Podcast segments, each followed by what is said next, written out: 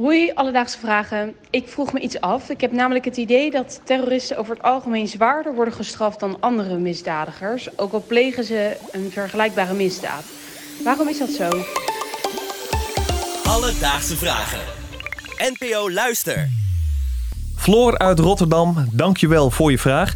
Een uh, vrij heftige vraag dit keer, Merel. Uh, jij weet ongetwijfeld ook, we hebben de afgelopen acht jaar helaas flink wat terroristische aanslagen op Europees grondgebied gehad. Bijvoorbeeld de aanslagen in Parijs, uh, Brussel en natuurlijk ook wat dichter bij huis, de tramaanslag in Utrecht. Naar de bedoeling. Ja, onprettige cijfer. En ik dacht, voordat we de vraag van Floor gaan behandelen, is het misschien goed om even stil te staan bij het begrip terrorisme. Van ja, wat verstaan we daar nu onder? Um, ik heb gekeken naar hoe de Nederlandse staat het definieert. Andere landen die definiëren het wellicht wat anders, maar daar gaan we later in deze aflevering ook op terugkomen. Maar hoe wij het in Nederland zien, terrorisme is het uit ideologische motieven dreigen met het voorbereiden of het plegen van op mensen gericht ernstig geweld. En met deze daden is het doel om maatschappelijke veranderingen te bewerkstelligen, de bevolking ernstige vrees aan te jagen of politieke besluitvorming te beïnvloeden. Ja, oké. Dus dat kan van extreem rechtse situaties zijn, maar ook bijvoorbeeld geloofsovertuigingen die doorschieten. Ja, nou, nu we dit helder hebben, terug naar de vraag van Floor. Want klopt het ook dat die terroristen anders of zwaarder bestraft worden dan gewone misdadigers? Ja, hoe moet je het anders noemen? ja, ja ik ga maar, ga maar, maar zo. We gaan, we gaan door. Voor een antwoord hierop belde ik met strafrechtadvocaat Geert-Jan Knoops. Onder meer bekend van de Puttense moordzaak en de Deventer moordzaak. Ik wil het zeggen, ik ken die naam. Ja, we, we zitten hier met de grote namen. Ja, ja, we doen het niet voor niks. Precies.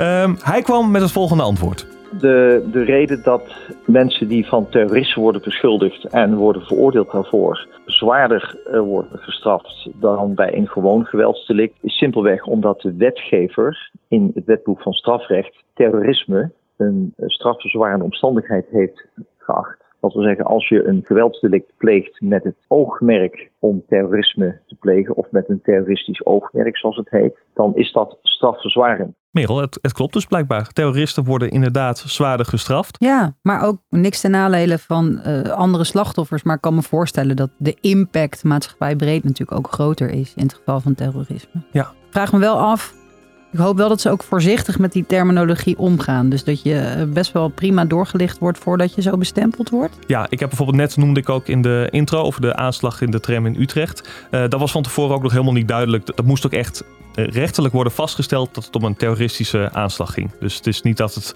zo over één nacht ijs gaan van het moet ook echt wettelijk worden vastgesteld dat het om een terroristische aanslag gaat. Als het via de rechter loopt, dan kan je ervan uitgaan dat iemand de rechtbank ook daadwerkelijk heeft gehaald. Maar ik kan me voorstellen dat er zeker situaties zijn waarin iemand iets heel ergs doet. Uh, bijvoorbeeld een bom laat ontploffen, dat de politie aankomt en zo iemand eigenlijk al meteen vermoordt. Ja. Ja, ja, wat dan? Ja, dat vroeg ik me ook af, want ja, het lijkt me toch een hele dreigende situatie. In andere situaties wordt geprobeerd de verdachte levend in te sluiten. Maar goed, zit dat ook zo bij terroristen?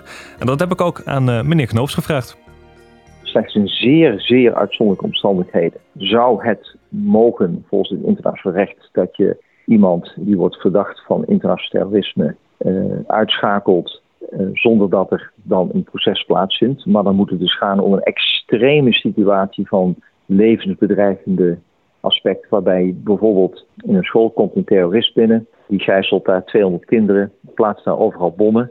En stelt een ultimatum dat als niet binnen een x aantal uren een aantal collega's van hem worden vrijgelaten, dat hij die bommen laat ontploffen. En dat zou betekenen dat de levens van 200 kinderen worden verloren. Nou, in zo'n extreme situatie is het voorstelbaar dat de aanhoudingseenheden, politie of militairen, dus niet tot een gewone arrestatie overgaan, maar proberen de terrorist dan in dit geval uit te schakelen. Maar dan hebben we dus echt over hele extreme situaties. Normaal is het zo dat iemand die wordt verdacht van terrorisme gewoon moet worden aangehouden en voor de rechter moet worden gebracht. Ja, vaak kan het natuurlijk ook pas achteraf eigenlijk gedefinieerd worden voordat je kan zeggen dit was een daadwerkelijke terreurdaad. Ja, exact. Dus in, uh, in de meeste gevallen is het inderdaad het doel van de politie uh, om de verdachte inderdaad tot de rechtbank te brengen.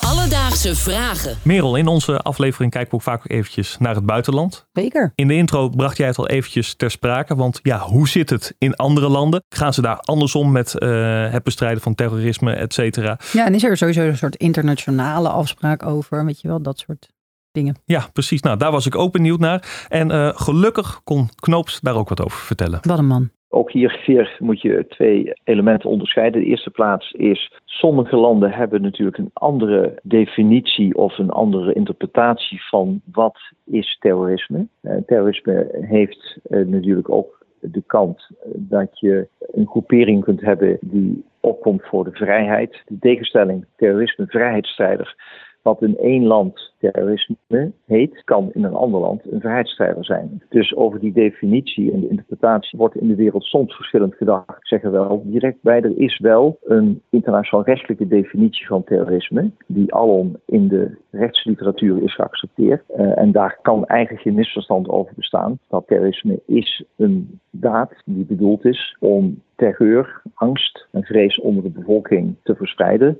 of om staatsrechtelijke instituten omver te werpen. het komt er dus eigenlijk op neer dat de definitie overal hetzelfde is, maar wie er vervolgens gelabeld wordt als een terrorist verschilt per land, per ideologie, per wie er aan de macht is. Ja, inderdaad. Dus Floor, de reden waarom een terrorist zwaarder wordt gestraft dan een gewone geweldpleger is omdat terrorisme als een strafverzwarende omstandigheid wordt gezien. Dit betekent echter niet dat de politie ook zomaar op terroristen mag schieten. Politieagenten mogen dat alleen doen op het moment dat het leven van een ander of hun eigen leven in gevaar wordt gebracht. Maar dit wordt strafrechtelijk slechts in hele extreme gevallen toegelaten. Heb jij ook een vraag? Stuur ons dan een berichtje op Instagram. Dat is Alledaagse Vragen. Of je kan een mailtje sturen naar alledaagsvragen.bnnvara.nl en dan zoek ik het voor je uit. Alledaagse Vragen. NPO Luister. BNN Vara.